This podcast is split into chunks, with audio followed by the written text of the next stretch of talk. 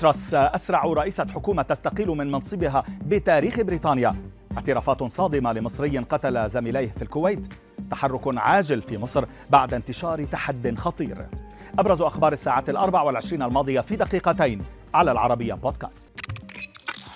بعد ستة أسابيع فقط من توليها المنصب وبعد ستة أسابيع من التقلبات السياسية والمنعطفات الكارثية والفوضى الاقتصادية أعلنت رئيسة وزراء بريطانيا ليز تراس تقديم استقالتها من زعامة حزب المحافظين لتكون بذلك أسرع رئيسة حكومة تستقيل من منصبها في التاريخ البريطاني. استقالة تراس تأتي تحت ضغط برنامجها الاقتصادي الذي أثار صدمة في الأسواق وقسم الحزب الحاكم فيما أعلنت أن انتخابات ستجرى لاختيار خلف لها بحلول الأسبوع المقبل مضيفة أنها ستبقى في منصبها حتى يتم اختيار رئيس جديد للوزراء.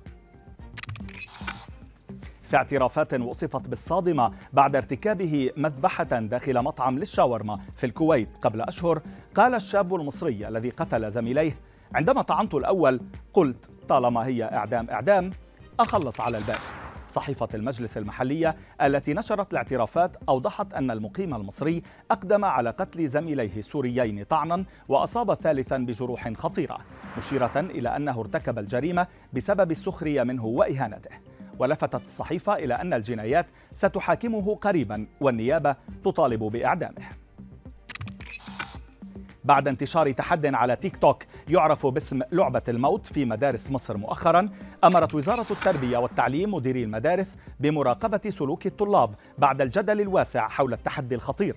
ناشطون كانوا تداولوا صورا على ال social media لطلاب داخل المدارس يقومون بكتم أنفاس بعضهم البعض لمدة دقائق حتى الوصول لحالة الإغماء للشعور بالموت. ثم العودة للحياة. فيما ناشد المجلس القومي للطفولة والأمومة أولياء الأمور متابعة أطفالهم وتعريفهم بمخاطر مثل تلك الألعاب الموجودة على التطبيقات والمواقع الإلكترونية. تعبيرا عن دعمها للاحتجاجات النسائية في إيران ظهرت دوقة ساسكس ميغان ماركل وهي ترتدي قميصا تزين بشعار نساء حياة حرية باللغة الفارسية.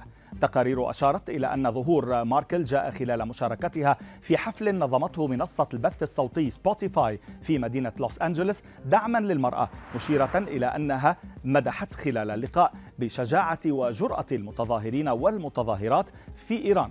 فيما ناشطون قالوا أو فيما قال ناشطون إن هذا القميص أصبح متاحا للبيع حاليا بسعر 28 دولارا ضمن مجموعة تصاميم تحمل اسم مهسا أميني.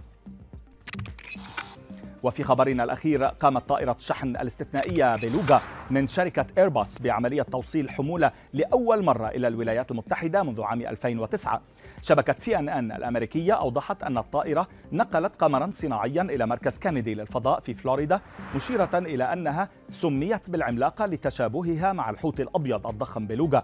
فيما تم إطلاق هذه الطائرة لأول مرة في تسعينيات القرن الماضي وقد صممت لنقل البضائع الضخمة في جميع أنحاء العالم.